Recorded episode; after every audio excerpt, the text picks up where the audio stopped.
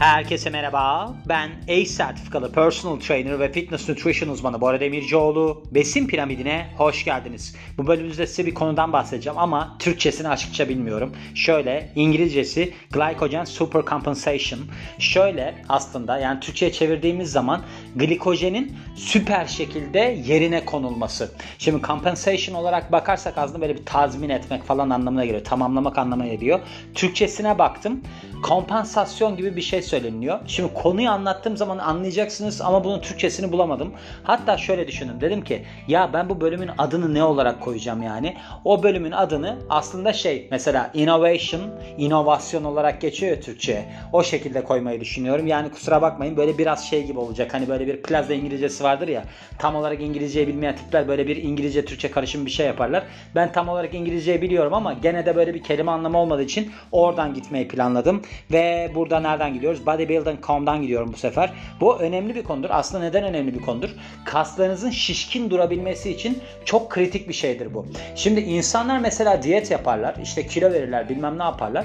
Vücutları böyle acayip bir bozulma eğilimine girer. Neden? Çünkü glikojen depoları boşalır. Glikojen depoları boşaldığı zaman aslında glikojen yani yapı olarak karbonhidrat yani baktığımızda nişasta diyebiliriz. Yani polisakkarit formunda kasınızın ve de karaciğerinizin içerisinde sizin karbonhidratlarınız birikiyor.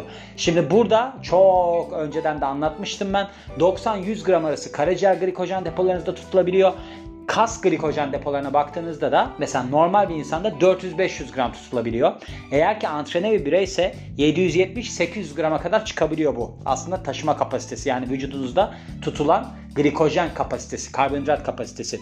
Şimdi burada bu glycogen supercompensation olarak bakarsak orada şu var. Şimdi siz diyelim ki glikojen depolarınızı boşaltıyorsunuz ve tekrar yükleme yaptığınızda vücudunuz daha fazla aslında karbonhidratı tutuyor. Bu sefer ne oluyor? Daha şişkin bir kas elde ediyorsunuz. Şimdi bunu yarışmalarda filan görürsünüz. İnsanlar mesela son zamanlarında suyu keserler. Çok böyle azaltırlar suyu. Onunla beraber böyle susuz karbonhidrat kaynaklarına yönelirler. Özellikle yarışmaya böyle bir 24 saat kala 12 saat kala falan. Orada ne oluyor işte? Aslında deri altındaki suyu da çekiyor. Çünkü 1 gram karbonhidrat 2.77 gram su çeker. Yani yaklaşık 3 gram su çeker yapı olarak yani molekül formül olarak odur. O zaman siz deri altındaki suyu da çekiyorsunuz. Hem deriniz kuruyor hem de kaslarınız şişkinleşiyor. Onun için böyle bir yükleme yaparlar. Şimdi burada aslında ben bunun mantığını anlatmak için yer verdim. Çünkü ben çok fit olduğum zamanlarda acayip karbonhidrat tüketiyorum bazı günlerde ve geçmişte özellikle bunu yazdığımda insanlar bilmiyordu. Yani bunun İngilizcesini yazıyordum ben açıkçası çünkü Türkçesi yok ve diyorlardı ki özellikle diyetisyenler falan bu bahsettiğin şey ne? Şimdi ben burada yer vermek istedim. Çünkü geçmişte bunun böyle bir makalesini bulamamıştım ben. Şimdi buldum size bunu aktarmak istiyorum. Demiş ki burada yazan kişi yani siz demiş hiç 11 saat içerisinde 22 pound aldınız mı? Yani 22 pound dediği 10 kilo aldınız mı? Ve sizin kuvvetiniz sadece bir gün içerisinde acayip derecede arttı mı? Sadece sizin beslenme şeklinizi değiştirmenize bağlı olarak. Eğer ki bunlar gerçekleştir gerçekleştiyse siz aslında glikojen süper kompansasyonuna böyle bir maruz kalmışsınız denilebilir. Yani işte dediğim gibi İngilizcesi olduğu için böyle biraz şey oluyorum yani Hanzo durumuna düşüyorum ama gerçekten de yok ne diyeyim yani. Glikojen tamamlaması yaşıyorsunuz. Yani süper tamamlaması yaşıyorsunuz. Öyle denilebilir.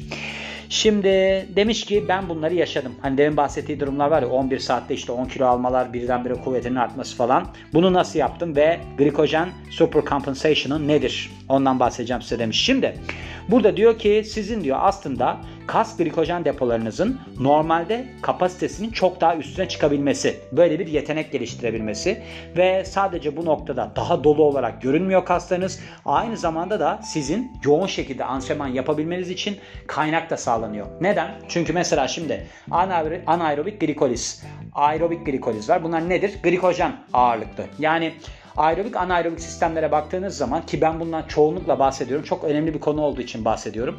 Şimdi sizin anaerobik olarak iki tane enerji sisteminiz var. Anaerobikte ne var? Anaerobik kreatin fosfat var. Bir de anaerobik glikoliz var. Anaerobik glikolizde aslında açığa çıkan 2 ATP. Anaerobik kreatin fosfatta açığa çıkan 1 ATP. Aerobik glikolizde zannedersem 36 ATP Ve şeyde de aerobik glikolizde de burada şey aerobik lipolizde de yağla beraber sağlanan yani aerobik olarak orada da 100 ATP ve üstü çıkıyordu diye hatırlıyorum. Yani bu Krebs döngüsü falan var ya oradan. Şimdi bu noktada baktığınızda siz aslında burada daha fazla tabii ki glikojen parçalayabileceğiniz için, glikojen depolarınız fazla olduğu için daha yoğun bir antrenman da yapabiliyorsunuz. Çünkü siz anaerobik glikoliz olarak baktığınızda şimdi ilk etapta diyelim ki bu neydi? Tepe noktası 12 saniyeydi. Yani siz eğer ki anaerobik kreatin fosfat enerji sistemi kullanırsınız siz patlayıcı kuvvet çalışmalarında bundan avantaj sağlayabiliyordunuz. Çünkü dediğim gibi bir ATP çıkıyor. Tek seferde kaldırıyorsunuz. Çok hızlı bir şekilde enerji veriyor size. Ve tepe noktası 12 saniye oluyor. Yani 10-12 saniye arasında devam edebiliyorsunuz. E diğerinde geçtiğimiz zaman mesela anaerobik glikolize geçtiğimiz zaman bu sefer ne oluyor? Siz aslında böyle işte hipertrofi çalışması yapabiliyorsunuz. Yani siz 70 saniye falan civarında bir enerji sağlama potansiyeliniz oluyor. Ve bu noktadan sonrasında da işte laktik asit ortaya çıkıyor. Bu sefer de ne oluyor? Kaslarınız yanmaya başlıyor. Sonrasında işte biz aerobik faza geçiyoruz. Yani oksijenli olarak çalıştırabiliyoruz kaslarımızı. Aerobik olarak baktığımızda glikolizde gene kısıtlı bir kapasitemiz var. Ama aerobik lipolize geçersek sınırsız bir kapasite sağlıyoruz. Yani kısıtlının ötesine de geçiyoruz. Çünkü çok fazla aslında enerji açığa çıkıyor. Ve burada da diyor ki siz diyor aslında bu super compensation evresine geçerseniz yani glikojeninizi aslında çok daha fazla çekme eğilimi sağlarsanız kaslarınızda daha yoğun antrenmanlar yapabilirsiniz. Bunu yapmanızın ilk yolu da aslında glikojen depolarınızı tamamen boşaltmak. Bakın şöyle düşünün. Siz glikojen depolarınızı tamamen boşaltırsanız susamış gibi düşünün. Siz diyelim ki çok susuyorsunuz. Acayip. Çok susadığınız zaman çöle düştünüz, acayip susadınız. Ne yapıyorsunuz? Böyle bir işte dere buldunuz, ne bileyim su buldunuz, bilmem ne yaptınız. Şunu düşünür müsünüz? Mesela yarım litre için benim ihtiyacım yarım litredir falan. Hayır. Vücudunuza deliler gibi su içersiniz birdenbire bir şişersiniz. Karnınız falan şişer. Öyle bir durum gelişir. Niye? Çünkü farkında değilsinizdir. Çünkü buna ihtiyacınız vardır. Kaslarınızda da aynı mantık gelişiyor. Kaslarınız çok fazla aslında glikojen boşalması yaşadığı zaman daha fazlasını alıyor.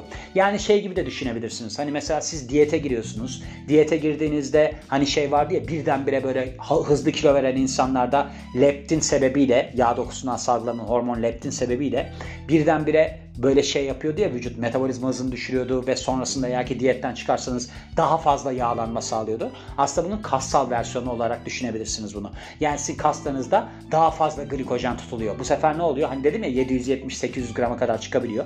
Diyelim ki siz 600 gram kapasitesi olan birisiniz. 650'ye falan çıkıyor. Daha dolu bir kas elde ediyorsunuz. Şimdi burada aslında kritik olan bir nokta var.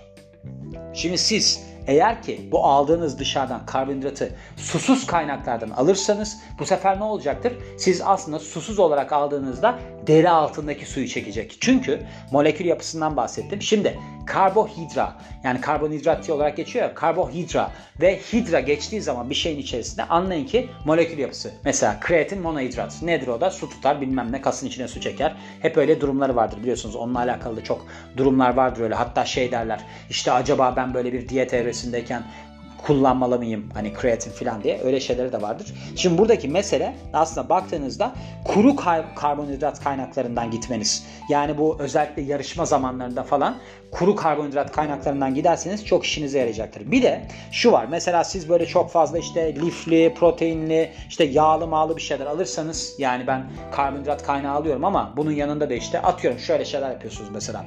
Kepekli ekmek yiyorsunuz. Şimdi düşük glisemik indeksli şeyler tüketirseniz o zaman ne olacaktır? O zaman aslında tabii ki gene dolacaktır ama yavaş şekilde dolacaktır. Şimdi burada biz hızlıca çekilmesini birdenbire şişmesini istiyoruz. O yüzden de aslında kuru mesela şeyi çok e, jelibonları falan çok tüketirler yarışmadan önce, böyle çıkmadan önce. Onları tüketirler ki neden? Kuru olarak çeksin suyu içerisine. O zaman da işinize yarasın.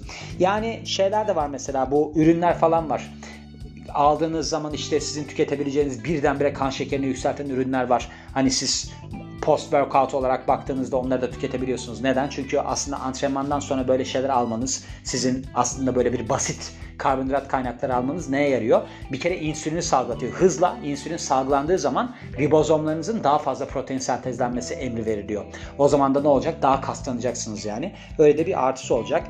Ve demiş ki işte ben demiş mesela bu adam kendisi bat dönemlerinde şey tüketiyorum. Yani ne derler buna meyve suyu tüketiyorum. Meyve suyundaki işte şekerden ben alıyorum. Yani meyve suyu dediği bu şey ama hani kendisi sıkma olarak demiyor.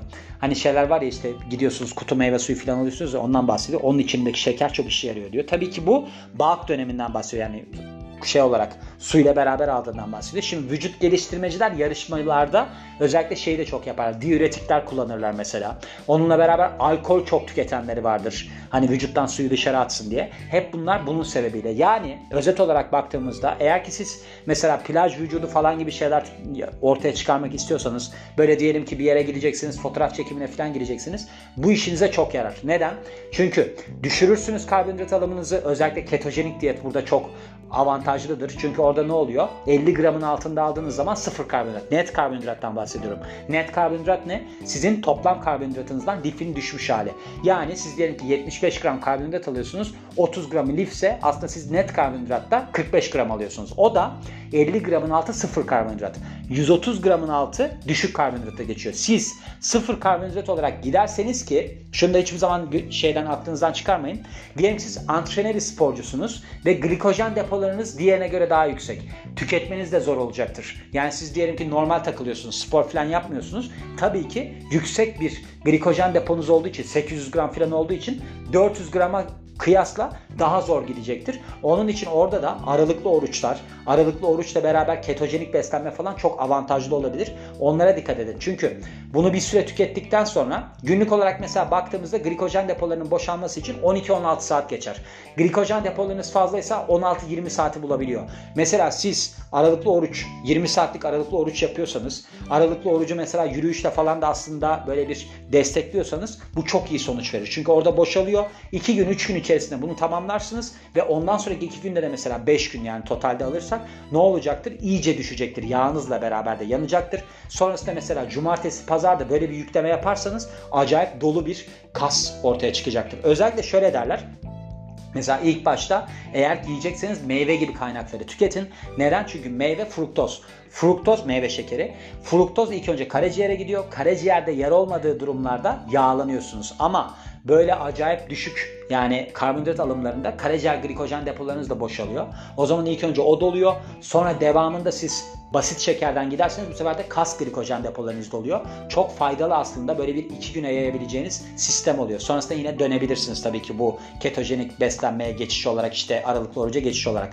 Aklınızda bulunsun. Bu önemli bir bölümdür aslında. Yani bunu unutmayın çünkü bazı noktalarda insanlar anlayamıyor. Mesela karbonhidrat karbonhidrat tamam karbonhidrat ama susuz alırsanız işinize yarayacaktır. Böyle işte meyve suyu bilmem ne gibi şeyler alırsanız sonuç alamazsınız. Şöyle sonuç alamazsınız. Şimdi vücudun bir işleyişi var. İnsanlar bir şeyler alıyorlar karbonhidrat alıyorlar. Bir yandan da spor yapıyorlar. Hiçbir zaman tam doluluğa ulaşamıyorlar. Mesela yarışma öncesinde antrenman azaltılır bu sefer karbonhidrat alımı da artar. Neden? Çünkü yarışmada daha dolu. Aslında bu işte glikojen super compensation şeyiyle gitsin diye. Yani süper dolulukla başlayabilin diye yarışa diyorum ve bu bölümün de sonuna geliyorum. Beni dinlediğiniz için çok teşekkür ederim. Ben Bora Demircioğlu. Yeni bir bölümde görüşmek üzere. Hoşçakalın.